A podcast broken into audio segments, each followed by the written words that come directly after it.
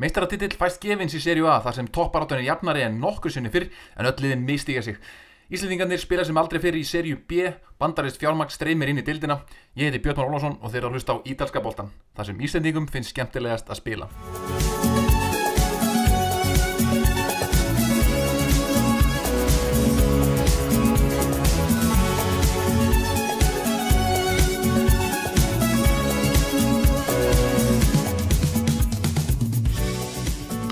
Nógum að vera í topparáttunni í eh, Serju A um síðastleina helgi. Það var komin að það á eftir og auðvitað inn á hvernig eh, Íslandingunum gekk í ítalsku deildinni. En við skulum byrja þess á eh, fréttum vikunar.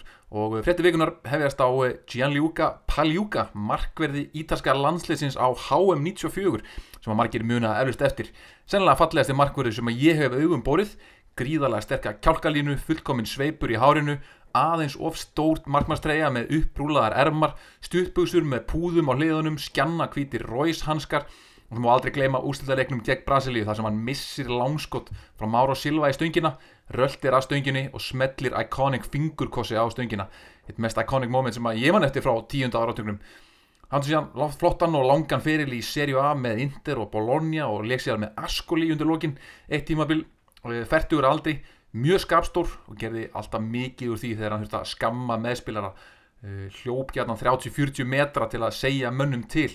Og þegar hann rætti við dómara var hann alltaf uppi með vísifingurinn svona app app app, þetta mark var ekki alveg löglegt. En hvers vegna byrjaði þannig þáttu að revju upp Gianluca Pagliuca? Jú því að uh, eigandi Boston Celtics Steve Pagliuca er búin að kaupa stóran hlut í knasputnum félaginu Atalanta Stíði Pagliuca er því miður ekkert skildur nafna sinnum Pagliuca, mér langaði samt að rifja upp markvörðin Knáa, ég minnst það ekki gert nægilega oft. En þessi Stíði Pagliuca sem var að kaupa hennan stóran hlut, ekki algjöran meira hlut en stóran hlut í Atalanta er stjórnamaður og eitt stopnandi Bain Capital fjárfæstingasjóður í bandaríkjunum sem hann stopnaði á svona mitt romni á sínum tíma fyrir um fósita frambjöðanda hann kaupir hluti félaginu af Percassi fjölskyldunni sem að e, mun áfram eiga stóran hluti í félaginu og mun áfram fara með stjórn félagsins. Berkassi fjölskyldan er þessu, þessi eigenda fjölskylda sem hefur komið Atalanta upp úr bóttbaratunni í það ævintýri, þetta Evrópu ævintýri sem þeir eru stattir í núna. Antonio Berkassi átti félagi fyrst frá 90 til 94 seldi það, kefti það svo aftur árið 2010 fyrir 14 miljónir evra. Hann kefti það af uh, Ruggeri fjölskyldunni sem hafði þetta að selja það vegna veikinda eigandans. Hann gerði svona góðverk með því að kaupa félagi af þeim og er núna búin að koma leiðin upp í Európu og er að selja stóran hluti í félaginu sennilega fyrir fleiri hundru miljónir evra. Þannig að þetta er sennilega reynstónum eh, ágætis fjárfesting. Alls eru núna nýju félag í serju A í eigu bandaríkja manna eða bandaríska fjárfestingasjóða. Og uh, í Atalanta eru auðvitað eigendunir að fá uh, lið sem er búið að stabilisa sig sem topplið gríðalega gott úlingastarf það að vera alltaf verið með og þeir eru auðvitað búin að kaupa eigin völl og eru búin að gera hann upp þannig að þeir eru að fá góða innviði. E, liðið auðvitað kemur frá Bergamo, Norður Ítalíu það sem allt eru upp á tíu og liðið er gríðalega stert svona í local communityinu. Og það er sagt að Antonio Percassi hafi ringt í borgastjóra borgarinnar Bergamo og greint honum frá þessu og spurt hvað það sé var ekki lægi að hann var að gera þetta til að fá svona blessun hans áður hann seldi hennan stóra hlut í félaginu hann Atalanta. En eitt félagið með, með bandaríska eigendur Við skulum bara byrja því að fara yfir leiki vikunar og umfyrir hóst á fyrstu daginn með Derby del Mole. Tórin og slagurinn Juventus gegn Tórin og slagurinn sem ég sæði frá í síðasta þetti að Tórin og vinnur aldrei, ég held að það séu átján leikir sem að liðin hafa leikið. Síðast, frá því að Tórin og vann síðast og þessi leiku var engin breyting þar á, leikurinn endaði 1-1 það voru eins og Tórin og menn sem voru kannski með undir tökinn í stórum köplum í leiknum voru betri í fyrirháleik þótt að Juventus hafi komist yfir eftir kortis leik þegar Matthijs de Ligt varnamæðurinn eh, skallaði inn eh, 1-0 markið á, já, eftir korter. Og eh, þetta var leikur varnamannana því að tveir bestu leikmennir voru Matthijs de Ligt í vördunni á Juventus sem átti stórkosluðanleik og eh, braslíumæðurinn Bremer varnamæður Torino. Eh, þetta er eh, leikmæður sem Torino gifti frá Atletico Mineiro í heimalandinu fyrir þreymur ánum síðan og hefði búin að stafila sig sem eitt besti varnamæður deildarinnar og hann átti eins og ég stórkosluðan leik og uh, það hefur verið talað um hann lengi en eftir þennan leik var mikið svona verið að spá í framtíð hans því að uh, ef hann spila svona eins og hann gerði gegn Juventus þá verður hann ekki lengur í tórinu eftir þetta tímabil og hann hefur verið strax fyrir orðaður við Inter og AC Milan. Inder sjá mennan kannski fyrir sér sem svona backup fyrir en uh, taka við af Steven de Vrij hollendinum sem hefur svona aðeins verið að dala finnst mönnum uh, greiðlega spennandi leikmæður þessi Bremer og hann hann hafði góða gætur á Dusan Lahovits allan leikin og Lahovits já, skapaði lítið, skoraði ekki í þessum leik og það er Bremer að þakka. Setna háleik náði Torino síðan að jafna leikin það var Andrea Bellotti á ferðinni eftir stóðsningu frá Josip Brekalo þessi kroatískur 24 ára gammal leikmaður sem er búin að vera svona eitt besti leikmaður leysins á tímabilinu. Bellotti hefur ekki sínt sitt rétt andlit hún tókst þarna jafna leikin 1-1 Juventus setti síðan í uh, 5. gýr undir lokleiks en tókst ekki að skora segu markið og stert hjá Tórun og ná uh, jafnleiflinu, það er nú kannski það besta sem við gáttum vonast til úr þessum leik. En uh, ef að Juventus menn hefði gett sér einhverja vonir að geta komið bak þeirra megin að tillinum þá var það endanlega búið núna. 1-1 jafnleifli þannig Nú á laugadeginum fóð síðan fram leikur Sampdoria og Empoli. Og uh, stóra fyrirsöfnum þar er auðvitað uh, Fabio Quagliarella byrjaði leikin, þakkaði tröstið og uh, skoraði bæði mörg liðsins í 2-0 sigri Sampdoria. Sampdoria er hérna distansansisótið frá hinnum liðanum í botbarátunni Sampdoria er að gera það sem að Genoa og Salernitana þurfa að gera, þetta þurfa að sækja sigra. Og já, gríðara stert hjá Quagliarella sem er búin að vera svolítið meittur á þessu tímanbili ekki ná kannski að spila eins marga leiki og þeir eru vonast en hann mætti þarna sjóðheitur og skoraði tvö mörka á fyrsta hálftímanum. Og þar veið satt 2-0 sigur Empoli. Og eins og einn Sampdoria komið aðeins upp úr fallbarátunni og meðan Empoli siglir ennþá um uh, miðja deilt uh, Stóri leikurinn á lögadaginn eða skemmtilegasti leikurinn á lögadaginn var Salernitana 2, AC Milan 2 uh, lið í tillirbarátu sem mistiðu sig var svolítið þema helgarinnar Salernitana mætti til leiks með eh, nýjan þjálfara. Þeir uh, rifiðu gikinn fyrir umferðina og sóttu Davide Nicola sem er uh, sérfræðingur í að halda liðum uppi. Þetta er maðurinn sem held upp í Crotone á sínu tíma með sko ævintýralegri björgun. Það var svona vonlust operation sem hann kom inn í á sínu tíma og hann hundast á bjargaðim. Þetta var það vonlust að þegar hann tók við Crotone þá sagði hann við ítalska fjölmjöla að ef að hann myndi ná að halda þeim uppi þá myndi hann hjóla þvert Ítalju endi langa frá eh, norðrið til suðus og eh, til að halda heiður uppi sagt, til að halda uppi minningu svona síns. Hann misti són sinn sem var 14 ára gammal sem var úti að hjóla. Og hann ætlaði að hjóla alla Ítalju ef hann myndi ná að halda kratónu uppi. Og það tókst og hann þurfti að hjóla uh, Ítalju eins og hún leggur sig sem hann síðan gerði. Hann síðan, hefur síðan tekið við Torino bjarga þeim frá falli, Genoa bjarga þeim frá falli. Og hann er núna að taka við Salernitana og bjarga þeim frá falli og uh, því lík byrjun sem hann fær á þessum ferli sínum hjá Salernitana því að uh, tóta junior Messias hafi komið Mílan yfir á strax á 50 mínútu og þetta leiði út eins og ja, yfir völdun á gamla skólunum þá uh, voru Salernitana með bara virkilega sprækir, sérstaklega sóknarlega. Og Federico Bonazzoli hann jafnaði leikin með glæsilegri hjólsarspilnu leikmaðurinn sem var hann í agabanni fyrir tveim vikum síðan en þetta agabann hefur gert honum gott því hann er búin að skora í báðum leikjörum eftir það. Um, Salernitana er að vinna svolítið, með stóri litli kombóið. Milan Djuric stóri maðurinn og Bonazzoli litli maðurinn. Og uh, Milan vörðin réð yngan við við þetta. Og uh, það var síðan uh, Milan Djuric sem kom Salernitana yfir í síðara hálfleik. Skömmu síðar jafnaði Ante Rebic metinn fyrir AC Milan á 77. mínútu en Milan tókst ekki að setja sigu markið og varnamenn uh, AC Milan og sérstaklega markvörðurinn Mike Magnan voru slagir og Manjan gerir sér að segja um ljót mistök í fyrsta markinu. Þannig að þetta var eh, já, leikur þar sem varnarina Milan brást. Romagnoli, Tomori og Mike Manjan markverður uh, þeir eiga sökina á þessu stigatapi AC Milan sem að tókst þarna ekki að uh, styrkja stöðu sína á toppnum. Fyrir ennþá tveimur stöðum undan, undan AC, nei, Inter Milan en Inter á ennþá leik til góða. Nú, dramatíki var kannski ekkert minni í síðasta leik lögadagsins Roma 2, Hellas Verona 2 Uh, Fyrirháleikurinn var eign Hellas Verona og uh, Antonín Barak og Adrián Tamese skoruði mörkin og komið Hellas Verona í 2-0. Fyrsta marki var eftir uh, svona trikk aukarspilnu beint af æðingarsvæðinu sem er, var ákveðin svona leikþáttur, leikmaður sem að þóttist búa til einhvern miskilling hérna. Mjög skemmtilegt mark, mælum með því kíkja á það. En í setni háleik þá hafði Mourinho engin önnur svör en að setja kjúklingana inn á Christian Volpato og Eduardo Bove þeir ungir leikmenn úr úlingastarfinu sem að Mourinho elskar svo mikið.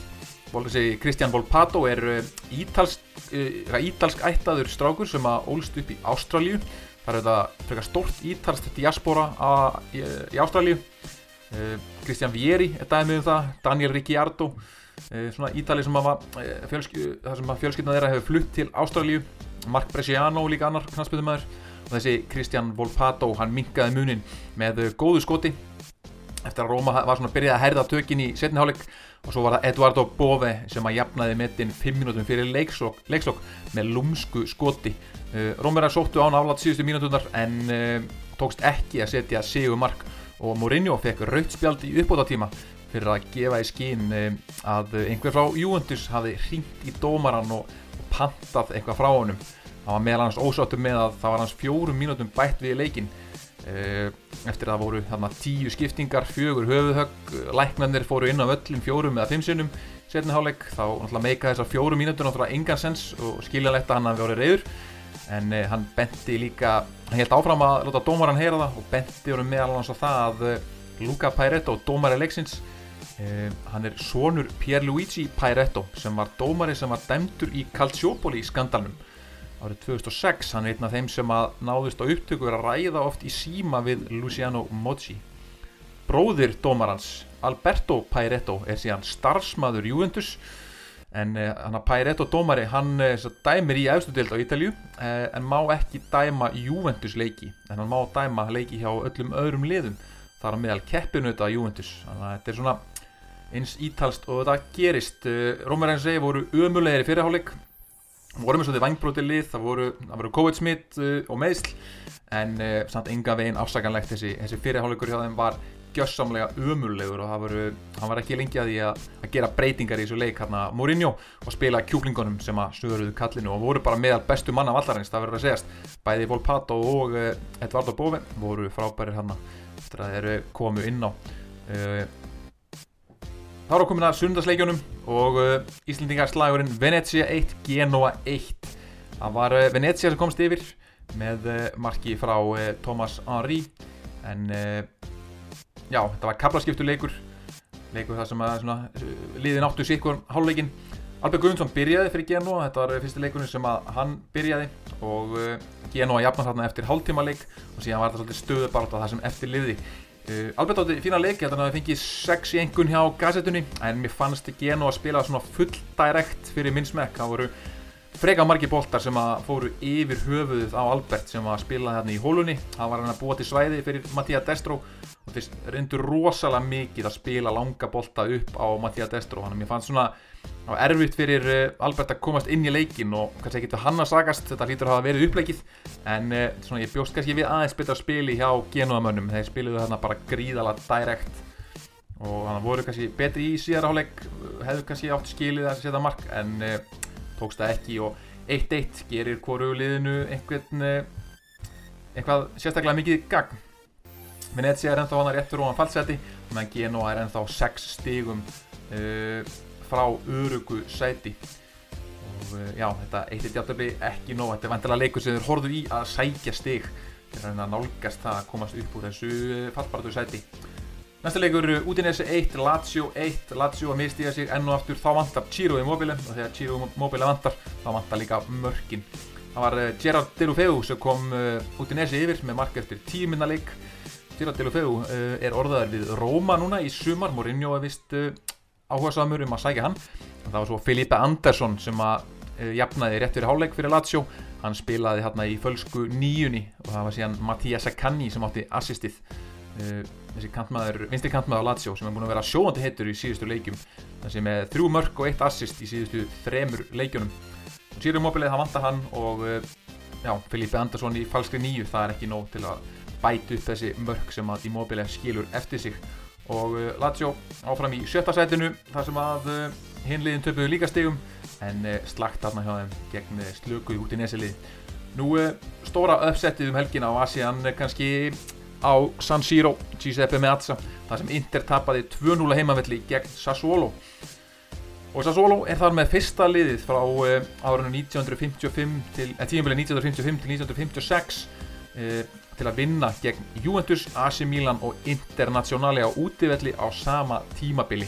Það var fjórun tína sem tókst þetta síðast, það er tímabili 55-56 og uh, Domenico Berardi sem að skoraði þessum leik, hann er fyrsti maðurinn í stóru deildunum í Európu til að komast í double digits í bæði mörgum og stóðsendingum hann er komin í yfir 10 mörg og yfir 10 stóðsendingar er átt þess að stóðsendinga í þessu leik. Mörgin skoruðu þeir Giacomo Raspadori og Gianluca Scamacca. Gianluca Scamacca er orðaður við Inter og jafnvel talið að það sé búið að ganga frá félagskiptum þetta á milli og uh, einni miðjumadur uh, Sassuolo uh, Davide Fratesi er líka sagður vera komin til Inter eða mun að fara til Inter í sumar. Þetta var sterkur sigur hjá Sassuolo. Inter það vantaði Marcelo Brozovic sem leikstjórnanda djúpan á miðunni og í staðin spiluðu þeir með Barella djúpan á miðunni, hann er ekki eins góður leikstjórnandi og það sást í þessum leik. Og uh, það var líka tilkynnt uh, hvað daginn eftir leik að Marcelo Brozovic væri búin að skrifa undir nýjan samning við Inter þannig að hann hefur vendala bara mætt upp á skrifstofu með myndbandsuptöku á þessum leik. Mætt síðan með kröfur, samningskröfur og sagt bara til sjá hvað gerist ef ég er ekki með. Og hann hefur vendala bara fengið nýjan samning á staðnum. Mjög stert fyrir Inter að hann sé búin að skrifa undir nýjan samning. Lautaro Martínez heldur áfram að spila illa fyrir Inter.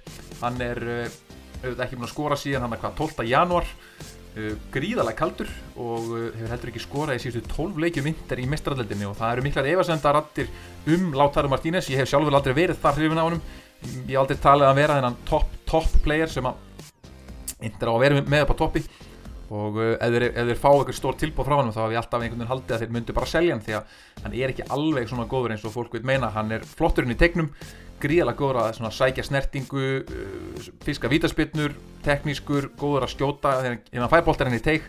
En eins og sást líka í liðipúleiknum í Európu þarna vikunum undan hann er, ekki, hann er ekki með þetta killer instinct og hann er ekki nógu góður þegar hann spilar langt frá markinu Svo er þetta orðið aðeins svo mikið einhverju svona byggja stuðnismenn afsökunar á eigin framistuð og það verið svolítið að vera að sjálfstuðstuð og, og fleira sér farið og Lautaro Martínez eh, hann virkilega kaldur undanfarnar vikur.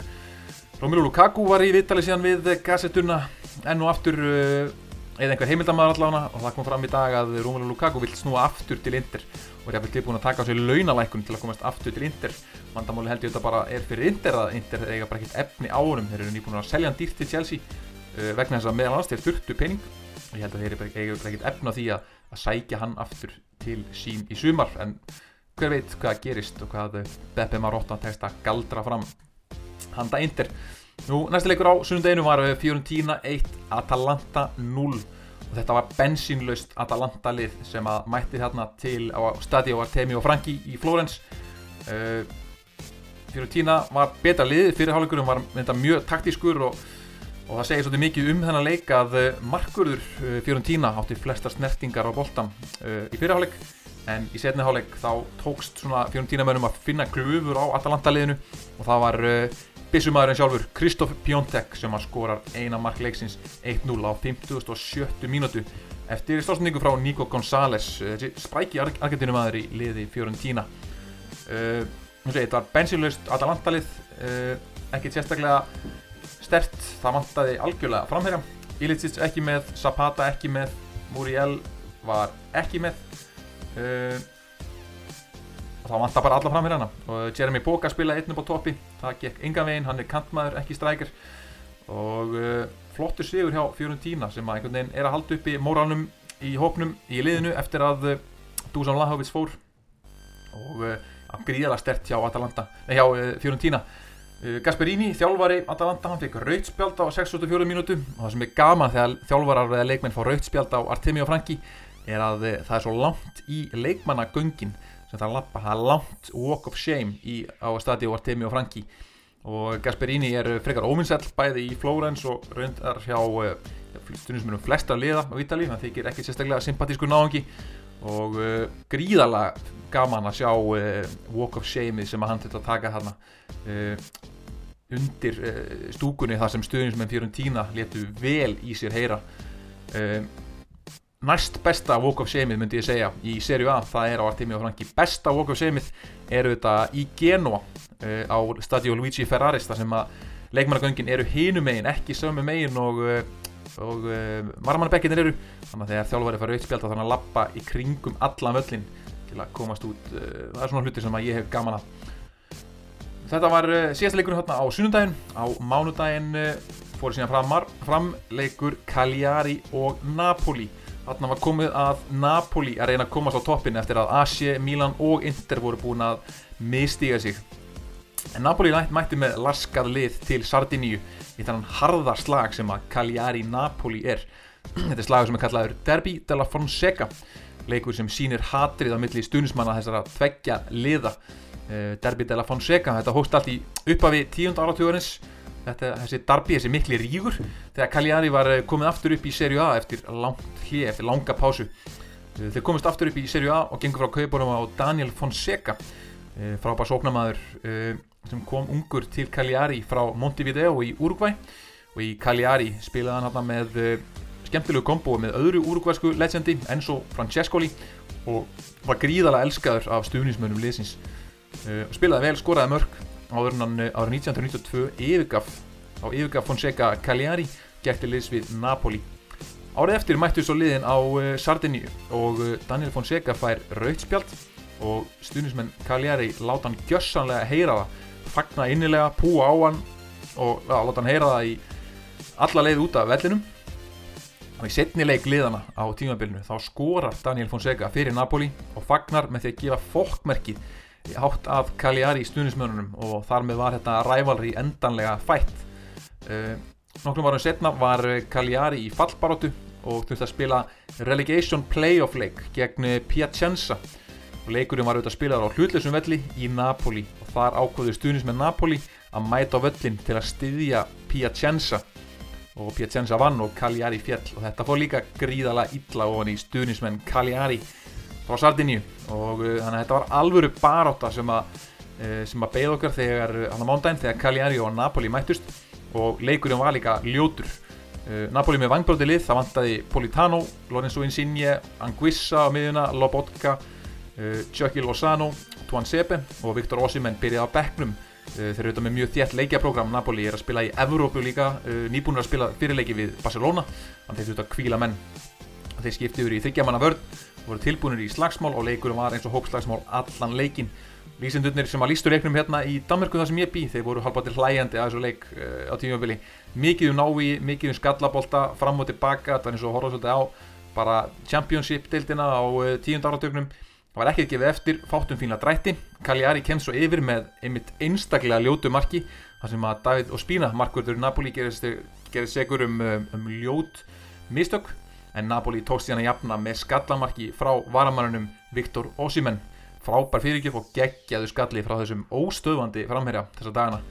Og það voru kannski bara sangjörn úrslitt en uh, já, ég get fullt að það dó uh, fótbolta engill á fótbolta himnum eftir þennan leik. Svo ljótur og ógeðslegur var þessi leikur. Nú hinleikurinn á mándaginu var Bologna Spezia uh, í Bologna þar sem að Bologna vann heima sig 2-1 tvö mörg frá Marko Arnautovic Uh, og stundum sem Bologna fagnar því vantarlega að hans er búin að finna markaskona en þetta var alls ekki sannfarandi sigur. Sóknarleikurinn var ekkit sérstakur hjá Bologna þeir voru ekki að búa sér til mörg alvöru færi og voru klöfskir lendu þannig undir í leiknum gegn uh, spetsiamönnum sem var börðust hetjulega en það var síðan Arnautovic sem að setni hnífin í baki á þeim 5 minútum fyrir leikslokk uh, og enn og aftur búin að eiga slagt, eh, slagt gengi í undanfarnar vikur Bologna. Og ég vona að þeir haldi ekki að þetta sé komið það núna því að þessi, þetta var ekki samfærandi framist að það sem er hjá Bologna. Þetta var aðildinn uh, eh, skulum það aðeins fara yfir uh, Íslandingana eins og ég segi Albert spilaði 87 minúti fyrir Genoa í 1-1 og fyrir svo í B-dildina því að Hjörtur Hermansson spilaði báða leikina sem að verið í sériu B frá því að við herðum síðast. Hann spilaði 56 mínútur í 0-0 jafntöfli gegn peningaliði Parma og spilaði síðan allan leikin í 2-1 sigri á Silvíu Berlusconi og félögum í Monza um helgina. Berlusconi var í stúkunni á leiknum og þegar Monza skoraði marksitt í leiknum þá eh, fagnaði því með því að fara í sleik við kærastunum sína eh, eða unnustu sína, þau eru vist að fara að gifta sig hún er 32 ára gömul. Og þið skulle ekki ruggleini við fyrirverandi kæristur hans, hann hætti með fyrirverandi kæristurinn sinni árið 2020 þá var hún 34 ára þannig að hann yngdi upp, egnaðist nýja kæristu tveimur áram yngri hérna 2020 og hvað var Adriano Galliani uh, hans hundrykka hæri hönd?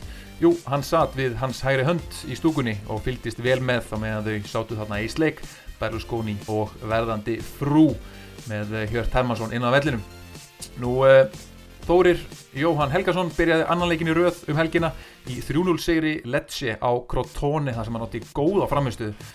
Í miðurvíku var hann svo komin á bekkin vegna þess að byrjunleismadurinn Mario Gargiulo uh, var mættur aftur en Gargiulo var svo slagur að Þórir kom inn á í hálfleik en uh, Lecce tapaði því miður þessum leik samt uh, 1-2 gegn Cittadella. Fyrsta tap Lecce á heimavelli á tíðanbelnum og liðið er nú í öðru sæti í Serie B og það verður að segjast að Serie B er lígilega jöfn. Ef Serie A er jöfn þá veit ekki hvað Serie B er. Stannir í Serie B er þannig að Brescia, Pippo Inzaghi top, uh, félagar er á topnum með 47 stygg. Lecce er í öðru sæti uh, og komast þannig beint upp eins og staðin er núna 46 stygg. Cremonese 46 stygg. Pisa 46 stygg. Monza 44 stygg. Benevento 43 Frosinone 41 og Perugia 41 það er því 6 stig frá efstasætinu niður í 8. sæti sem, sem er neðsta playoff sæti þannig að uh, Lecce er núna í sæti sem fer beint upp. En við vonum auðvitað að það séu Pisa og Lecce sem fari beint upp og uh, svo getið þið valið ykkur hvaða liði haldið síðan með í umspilinu góða. Nú í sételdinni það spilaði Bjarkistitt Korter um helgina í 1-0 seri Catanzaro á Taranto um helgina en uh, kom ekki við sögu á uh, miðvíkudaginn í 0-0 jafntefni Catanzaro gegn Potenza. Catanzaro er enn í öðru seti í sínu riðli, 6 stegum og eftir Bari sem er á toppnum og ekki dyrist geta stöðva Bari. Emil Hattriðsson var ekki leikmann á hóp Virtus Verona um helgina en hann spilaði allan leikin á miðugudaginn gegn Renate í 0-0 í aftefli og Virtus Verona er 5 stegum frá umspilsæti í sínum riðli. Nú í hvernabáltarum er landsleikjarli eins og hlustundu vita Ítalska landsleiki spilaði á Algarve Cup. Vann þar Danmörku og Noreg. Í flottum leikum og töpuðu svo í vítaspilnum keppni í úslita leik gegn Svíum. Þetta lofar ágætis, uh, ágætlega góðu fyrir Ítalska landsleikið sem að leikur auðvitað á EM í sumar en er kannski á sama tíma ekki góða frétti fyrir íslenska liðið sem er með þeim í riðli. Ítalska lið, landsliðið er að spila eh, eiginlega alla leiki á mjög svipiði byrjarliði, þeir eru auðvitað að drilla liðið vel saman, þeir sami hópur og hefur verið að spila undanfæran ár, þar sem að eh, Barbara Bonuancia er ennþá allt í öllu í sóknarleiknum. Nú um síðustu helgi, ef við fyrir maður þessi og lítum á leikina sem eru framundan á Ítalíu, þá, var, þá voru fátum eiginlega stórleiki í síðustu helgi. Eh, það breytist aðeins núna, þetta er nú aðeins skemmtilega program fyrst mér. Á förstu daginn mætast eh, AC Milan og út í Nese ætlar Milan að halda áfram að mistiga sér gegn litlu liðunum. Ég talaði um það í síðasta þætti að AC Milan væri með svo auðvelt leikjaprogram og þess vegna gætu þeir kannski verið svona uh, dark horse í þessu, þessu titilbaratu en svo tapaði stíðu gegn Salernitana með ekki mistiga sér gegn út í Nese sem hafa nú þegar einu sinni náða að stríða uh, Milan á þessu tímabili. Hinleikurinn á förstæðin Genoa Internazionale. Alberto Fjallar fá Inter í heimsókn á uh, stadio Luigi Ferraris. Uh, á lögadaginn er svo leikur Salernitana Bologna. High Flying Salernitana á móti uh, hundleðilegu Bologna lið Empoli mætir Juventus í Empoli. Og Empoli vann fyrirleikliðana á Juventus Stadium. Svo það komið fram Sassuolo mætir svo Fiorentina á lögadagskvöldið sem er skemmtilegast í leikur umferðarinnar tvö lið sem vilja spila alvöru fótbolta. Uh, Hátægisleikurinn á sunnundagin er síðan Torino Cagliari. Uh, Hellas Verona mætir Íslandíkaliðinu Venezia. Uh, Spezia mætir AS Roma þar sem að Mourinho er auðvitað í banni eins og hefur komið fram. Lazio mætir síðan Napoli í stórleik helgarinnar á sunnudagskvöldið á eh, Stadio Olimpico í Róm. Og mándaginn mætir svo Atalanta Sampdoria Uh, í næstu viku erum við síðan líka með leiki í Coppa Italia og nú erum við komin í undanúsittin þannig að við erum með alvöru einvíi og uh, einvíin, já, við gætum mér ekki verið með skemmtilegri darbi í þessum uh, undanúsla leikum. Á þriðu daginn mætast AC Milan og Internazionale í fyrri, fyrra einvíinu í undanúslitum Coppa Italia. Og á miðvíkudaginn mætast svo Fiorentina og Juventus og það er sennilega heitast að darbið á Ítalíu þessa dagana Dusan Vlahovic mætir sínum gömlu félögum í Fiorentina. Juventus auðvitað kaupir alla leikmenn frá Fiorentina sem að geta eitthvað. Uh, Roberto Baccio, Federico Chiesa Federico Bernardeschi, Dusan Vlahovic listin heldur áfram. Uh, Rocco Commisso, Fossetti Fiorentina. Hann er Juventus stuðnismæður þannig að það er uh, ja, mikið hatur þarna milli og stuðnismenn Fiorentina munu frekar vilja vinna Juventus í þessu einví og vinna byggarinn frekar en að ná Evrópusæti. Ég er alveg vissum það að Fiorentina mun mæta með sitt sterkasta lið á meðan Juventus kannski jafnvel spara leikmenn þurfa frekar að einbita sér að, að eh, meistaradeild og eh, deildinni að ná Evrópusæti þar. En ég ætla að næja að sinni. Við heyrumst aftur í næstu viku. Verið sæl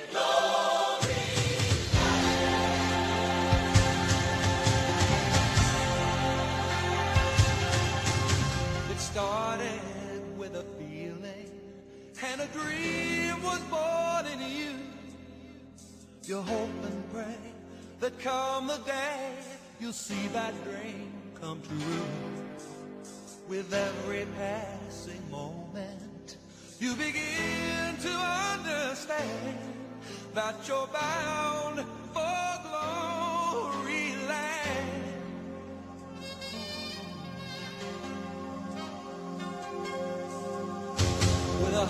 hunger in your heart